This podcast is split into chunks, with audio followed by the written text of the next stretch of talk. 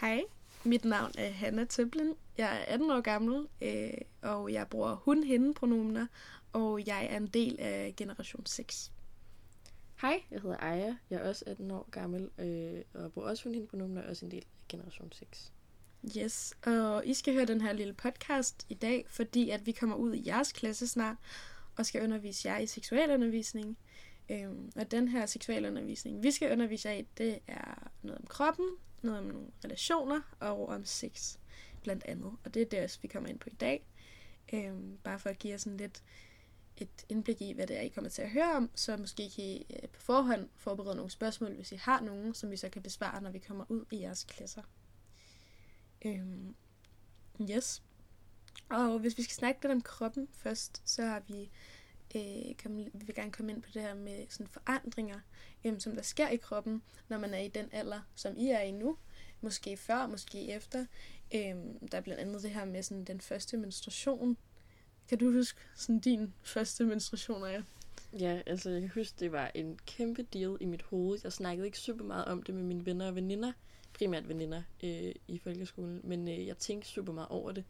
Jeg kan huske, at jeg nemlig i 5. klasse var til sundhedsplejersken, Øhm, og jeg på daværende tidspunkt var elitesvømmer, og var det også nogle år efter, hvor jeg der fik at vide, at grundet, at jeg var elite sportsudøver i så tidlig en alder, ville min pubertet højst sandsynligt nok blive udskudt. Min mor og søster fik nemlig menstruation et år før mig. Jeg var nemlig 12 år gammel, da jeg fik det. Øhm, jeg kan huske, at jeg ventede sygt meget og var mega spændt og forvirret over, at jeg følte, at min krop ligesom var blevet udskudt. Og jeg ville føle, at jeg ville føle mig vildt meget udenfor, og jeg håbede også, at at det ville komme hurtigt. Så jeg tænkte nemlig super meget på det, for jeg følte lidt, om fordi at du dyrker sport, så vil din krop anderledes lidt end andre, hvilket var løgn. Øhm, det var en måde for at informere, informere mig på, hvorfor at den kunne blive udskudt, men altså 12 år er stadig en tidlig alder, synes jeg. Mm. Øhm, jeg kan huske, at det betød voldsomt meget for mig. Jeg var mega forvirret, men jeg var så lettet, da jeg så fik det. Netop fordi jeg var sådan, okay, jeg er normal nok, og jeg var ikke en af de første, jeg var ikke en af de sidste. Det kan jeg, tænke sygt meget på, om, om man var den første eller sidste. Jeg ville mm. gerne være lidt i midten.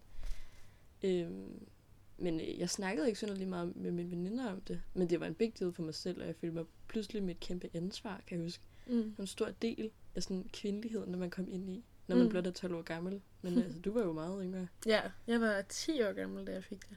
Det var også ret vildt. Ja. Jeg tror også, jeg var meget chokeret, men jeg tror, der var måske en pige i min klasse, der havde fået det før mig. Og jeg kan huske, jeg var lidt jaloux over, hun havde fået det, fordi altså, behøvede man ikke være med til svømning. og det ville jeg, jeg gad ikke rigtig være med til svømning, kan jeg huske på det tidspunkt. Men da jeg fik det, blev jeg også meget sådan overvældet. Jeg kan huske, at jeg begyndte at græde lige da jeg opdagede, at jeg havde fået det, fordi jeg tror bare, jeg blev så sådan jeg overvældet rigtig. Jeg vidste slet ikke, hvad jeg skulle gøre mig selv. Jeg var sådan, menstruation, og jeg vidste jo godt, hvad det var. Altså, det var ikke, fordi jeg ikke vidste, hvorfor at jeg lige pludselig begyndte at bløde, men sådan, jeg tror bare, jeg var meget sådan, øh, hvad, hvad skal jeg nu? Rigtig sådan, øh, hvad, hvad, betyder det her for mig? altså, jeg tror, det var meget svært. Og som du siger, man snakkede ikke så meget om mm-hmm. det, men det var som om, da man så endelig havde fået det, så er det meget mere normalt. Mm. Og jeg kan huske sådan, dem, der allerede havde fået det, jeg følte vildt, at havde en klub, og det var ikke for sådan, det var ikke for sådan, uh, sådan udelukke nogle andre, tror jeg, men det var bare sådan, det var jo ikke no- noget, man sådan normalt snakkede om i sådan en åben forum. Nej. Men fordi at man kunne ligesom sådan relatere med hinanden, så blev det bare lidt... Det blev ikke lige så pinligt, fordi på det tidspunkt var det, synes jeg, det var lidt pinligt, at man havde menstruation, og det var sådan lidt, ej, og sådan, drengene skal vide det, og sådan, ja, det, det, ja. ja. Øhm, men sådan, det var, det var, sådan, det var rart at ligesom kunne snakke med folk om det, og det er det jo altid med sådan nogle ting, som er sådan lidt tabuiseret eller et eller andet. Jo, jo mere man snakker om det, jo mindre akavet eller pinligt bliver det. Øh, ja. Det er også netop derfor, at både jeg, drenge, piger og alle andre skal høre det her. Netop fordi jeg kan huske, vi, der vi ville delt op i køn, og dermed skulle pigerne i situationsdrenge ved, at de øh, kun have menstruation. Og jeg synes også, det var meget mere sådan farligt. Jeg gemte mine bind alle mulige steder, mine tamponer, øhm, for ligesom at drengene især ikke skulle vide det. Mm. I forvejen synes jeg, det var mega pinligt samtidig, men jeg synes, det var sådan sejt. Totalt mærkeligt. Øhm, meget mærkeligt. Men altså, det er jo helt normalt, og det er altså meget forskellige med alderne. Vi har begge to været lidt tidligt ude. Mm. Øhm, og det er altså helt mellem 10 til 16, og også nogle gange 18 år over, at man får mm-hmm. det. Så jeg forstår godt, det er et stort emne, især fordi ens veninder begynder, man kan godt føle sig lidt udenfor. Det gør ja. jeg nemlig også med dem, der har fået det før mig. Øhm, men det er en stor del af ens liv, og det er et sejt at få menstruation, mm. og det er fedt, og, og det betyder jo, at man bliver, en, man bliver ældre, og man kommer ind i noget fedt, og man kan ligesom... ja, det er en stor del af ens sådan, identitet, følger det var, og det er det jo slet ikke lige så meget det er jo bare en del af ens hverdag, hvad kan man sige. Ja, det betyder ikke så meget mere. Nej. Men det er også vigtigt at sige, at det ikke kun er, er kvinder, der får menstruation, ja. tror jeg, vi lige vil pointere. Øhm, at der også er alle mulige andre mennesker, der kan få menstruation. Ikke, det betyder ikke, at øh, man kan få menstruation, hvis man er, er født med en tissemand. Øhm, men ja. Af alle mulige grunde kan man være født med en vulva, en vagina, mm. øhm, og dermed bløde, selvom, selvom man ikke er en pige. Ja, selvom man ikke er en pige. Ja. Yes. Øhm, så er der, har vi skrevet lidt om kropsbehøring, som vi også vil komme ind på, fordi det hænger jo også meget sammen med pubertet, og også måske lidt det her med menstruation. Øhm, fordi det er jo, det er nok, øh, jeg ved ikke, hvornår man begynder at få kropsbehøring faktisk. Altså det er sådan, når man er, det er måske faktisk allerede fra man er 10 og så ja. opad. Mm. Øhm, men det tror jeg også var sådan en ting, jeg kan huske, især i min klasse var det sådan noget med drengene sådan her. Ej, han har ikke fået hår på pikken ja. nu og sådan noget, og det var sådan, jeg følte lidt, det var den modsatte for pigerne, end det var for drengene. Fordi for, for drengene, på det her tidspunkt, med min oplevelse, var det sejt. Var kropsprøvning sejt, og det viste ligesom, at sådan der, okay, så var man begyndt sådan der at være sådan manlagtig, ikke? Og sådan for pigerne med kropspoint, var, følte man så sådan, jeg tror, jeg følte mig endda lidt, lidt knap på en eller anden måde. Sådan, jeg var sådan der, ej, jeg begyndte at få hår og sådan noget. Og det er jo, altså det, det synes jeg er så syret at tænke tilbage på nu, fordi det er jo det mest almindelige i hele verden. Og jeg tror ikke engang, jeg vidste hvorfor. Altså sådan, jeg tror også, det er for nylig, at først nu har fundet ud af, hvorfor man egentlig har hår. Og sådan, man har hår på hele kroppen. Og grunden til, at man har hår, for eksempel ved sit øh, kønsorgan, er jo, er jo for sådan at beskytte. For eksempel, hvis man, altså sådan, hvis man har en tissekone, så er det jo sådan for at beskytte mod alle mulige bakterier, så håret ligesom dækker. Øh, og det er jo, det er jo det er mega smart. Altså, det er jo vildt smart, at kroppen, at kroppen gør det.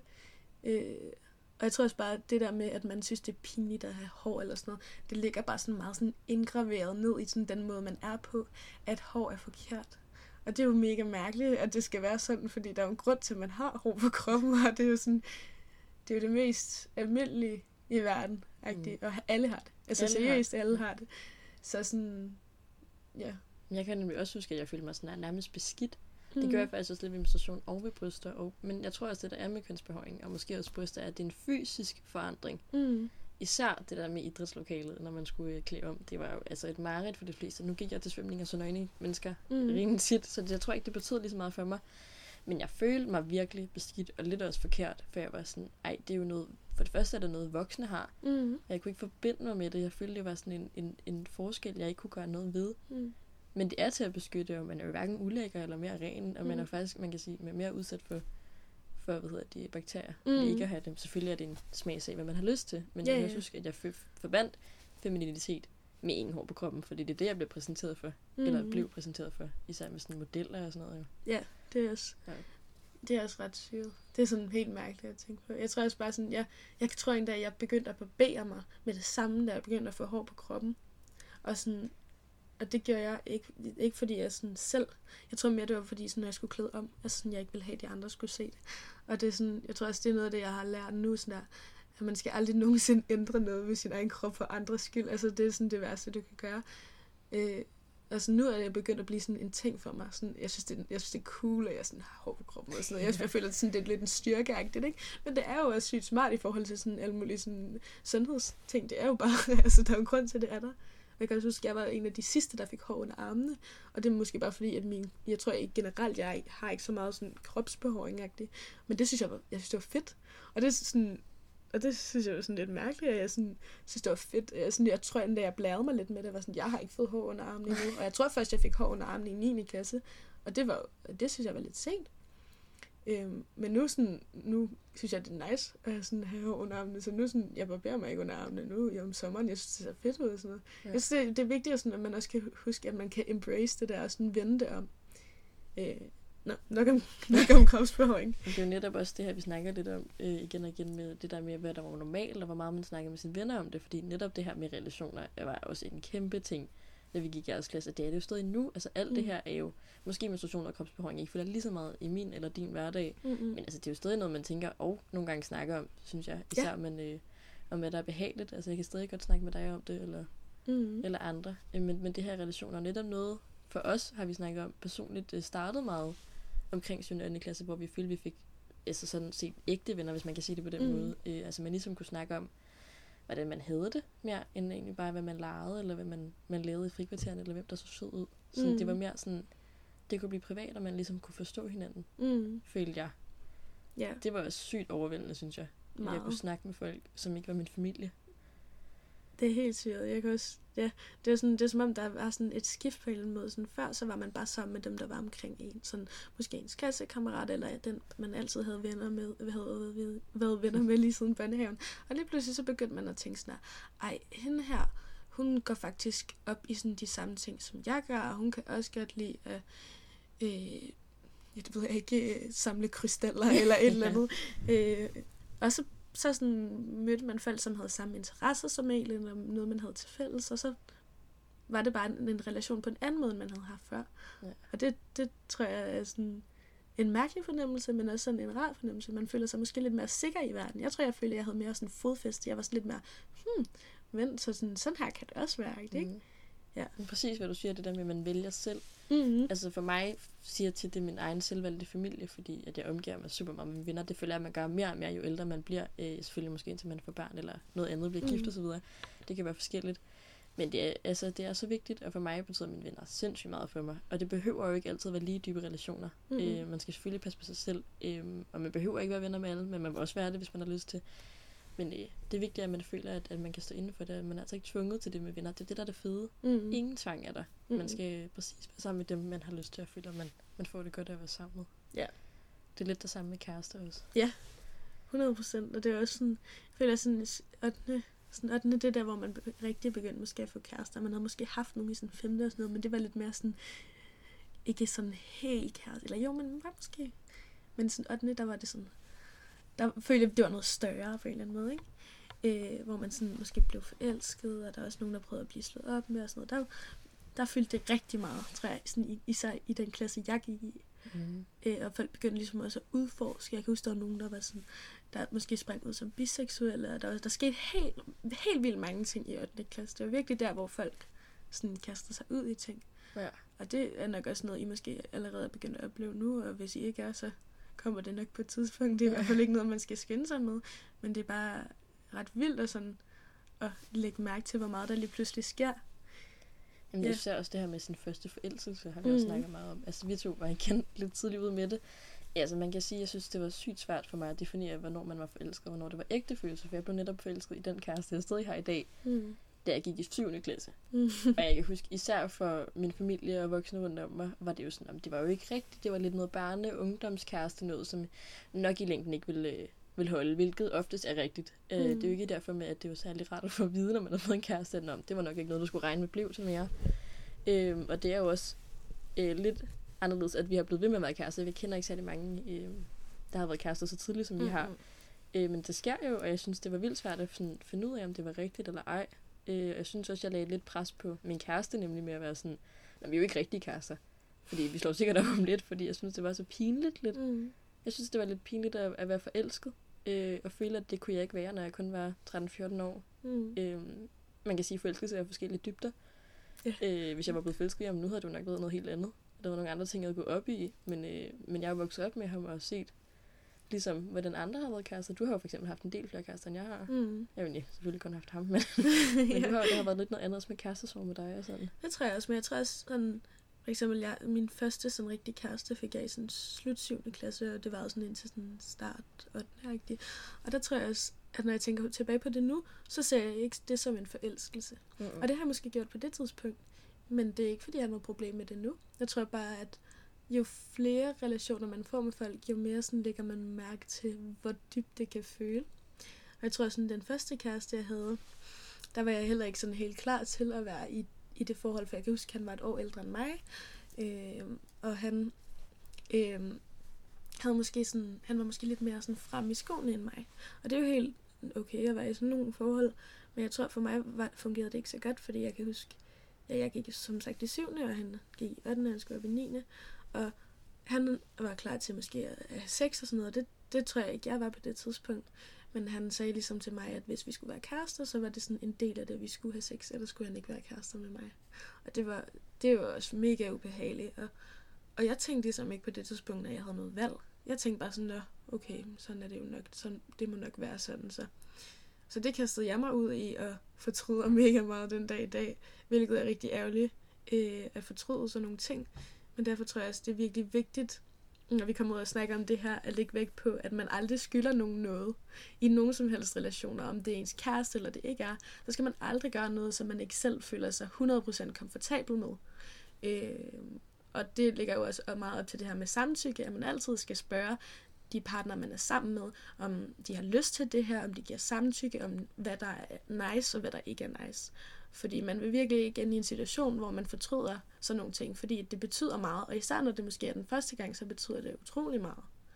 Ja, helt vildt meget, og det øh, kan være hurtigt med til, at man kan føle, at det meget definerer, hvordan man får det med, med seksuelle oplevelser efterfølgende. Mm-hmm. Altså sex er jo alt muligt, det er jo ikke kun penetrationssex, som mange tror, altså det kommer mm-hmm. vi også til at undervise om. Øh, men det er sindssygt vigtigt, og jeg var jo personligt heldig, at det var med min kæreste, som jeg så selvfølgelig er sammen med i dag, og jeg mm var forelsket i ham, øhm, og det er jo ikke nødvendigvis det rigtige at gøre, men jeg var glad for det. Jeg følte, jeg var, jeg skulle have slappet lidt af. Jeg havde sindssygt travlt med at føle, at jeg skulle nå det, som om, at der var et eller andet udløb, jeg ved det, tids... Øh... Ja, sådan en udløbsdag Ja, og som om, altså, så var jeg blevet for gammel, eller et eller andet. Altså, det var super dumt. Øh, men jeg forstår sagtens, at man har den følelse. Jeg havde mm. det sådan i vild lang tid, og var meget forvirret, og jeg ved ikke rigtig, om, hvor det pres kom fra. Mm-hmm. Fordi jeg havde et pres på. Øh, jeg følte, det var udefra, men det var måske mig selv egentlig, der havde skabt det det der FOMO også, vi har snakket mm. om. Det er jo, nu snakker vi så lige primært om sådan seksuelle oplevelser. FOMO er jo fear of missing out. Mm. Er det, det betyder? Ja, sådan en følelse af, at man ikke øh, er med, i ja. at man sådan går glip af noget. Præcis. Okay? Ja. Især, og jeg kan for eksempel også, når man er på ferie, der sker noget sjovt hjemme eller eller andet. Men nu vi snakker ja. om det her, det er meget sådan, for eksempel det der med, at alle andre har sex, undtagen mig, eller mm. alle andre er kærester. Øh, jeg kan huske nemlig, at min FOMO mm. handlede meget om, at ingen andre havde kærester end mig. og jeg følte, at jeg var sådan, om der var en hel del af puberteten og teenageårene, jeg misser out, mm. fordi at jeg har en kæreste. Øh, altså, jeg er super glad for det. Jeg føler også, at jeg har undgået en masse ubehagelige oplevelser. Øh, men på samme måde følger jeg mig også sådan, at øh, kan jeg godt være alene? Sådan, netop fordi jeg aldrig rigtig har været det. Mm. Jeg mm. vokset op sammen med ham, hvilket jeg er glad for, men, men jeg har tit tænkt over, der snakker meget om ham med det, at vi jo ligesom vokset op sammen. Mm. Jeg tror, min FOMO har måske været anderledes. Især det der med, jeg tror, jeg var i en periode der, da jeg fik en kæreste, hvor alle andre var begyndt måske sådan at have sex, eller sådan at prøve ting af, prøve grænser af og sådan noget. Og jeg tror, jeg følte mig lidt bagud, for jeg kan huske, folk spurgte sådan der, er du jomfru, eller sådan, har du nogen som, jeg kan huske, når man lavede sådan nogle øh, lege. Ja, sådan SPLK. Ja, SPLK, eller, eller sådan, sådan noget, jeg har aldrig, og sådan noget, så var det sådan, jeg har aldrig fået fingre, eller jeg har aldrig mm. nogensinde givet handjob og sådan noget. Og det var som om, at det var sådan, ikke fordi, at at der var sådan et pres konkret, men der var sådan lidt en underforstået tone i, at det var sådan lidt sejt, hvis man havde gjort det. Man var lidt, man var lidt sådan mere modenagtig. Og det er jo ret sygt at tænke på, sådan, at man er mere moden. Fordi det, det, har jo, det har overhovedet ikke noget med sådan modenhed mm-hmm. at gøre. Øh, og det tror jeg også, at sådan en vigtig ting, vi også rigtig gerne vil sådan sætte ind i jeres klasse, måske bare sådan generelt, at seksuelle oplevelser er så forskellige, hvornår de kommer, om de kommer. Øh, og hvordan de kommer. Øhm, og der skal være plads til alle i et rum, og der skal ikke være nogen sådan underforståede øh, ting om, at det er sejre, hvis man har lavet ting med folk og sådan noget, fordi at livet øh, er så anderledes for folk, og sådan sex er meget personligt, øh, og nogen har lyst til at snakke om det, nogen har ikke lyst til at snakke om det, og det skal der bare være fri rum til. Og det tror jeg er meget det, vi, vi vil snakke om, når vi kommer ud i jeres klasse. Vi vil gerne skabe sådan et safe space, hvor at det er okay at være, som man er. Øhm, og på den tror jeg måske, vi bare vil sådan slutte af og sige, at, ja. at vi glæder os mega meget til at komme og se jer. Hvis I har nogle spørgsmål nu, må I endelig bare skrive dem ned, og så kan I tage dem med.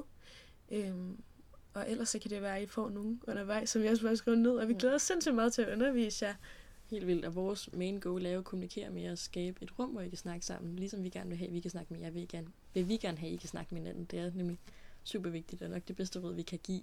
Ja. Men vi glæder os super meget til at møde jer, og håber, at I glæder jer lige så meget som os. øhm, og endelig til, hvis der er nogle begreber eller noget andet, vi siger, ja. at I ikke helt kender til. Ja. Men ja, vi ses snart. Vi ses. Hej.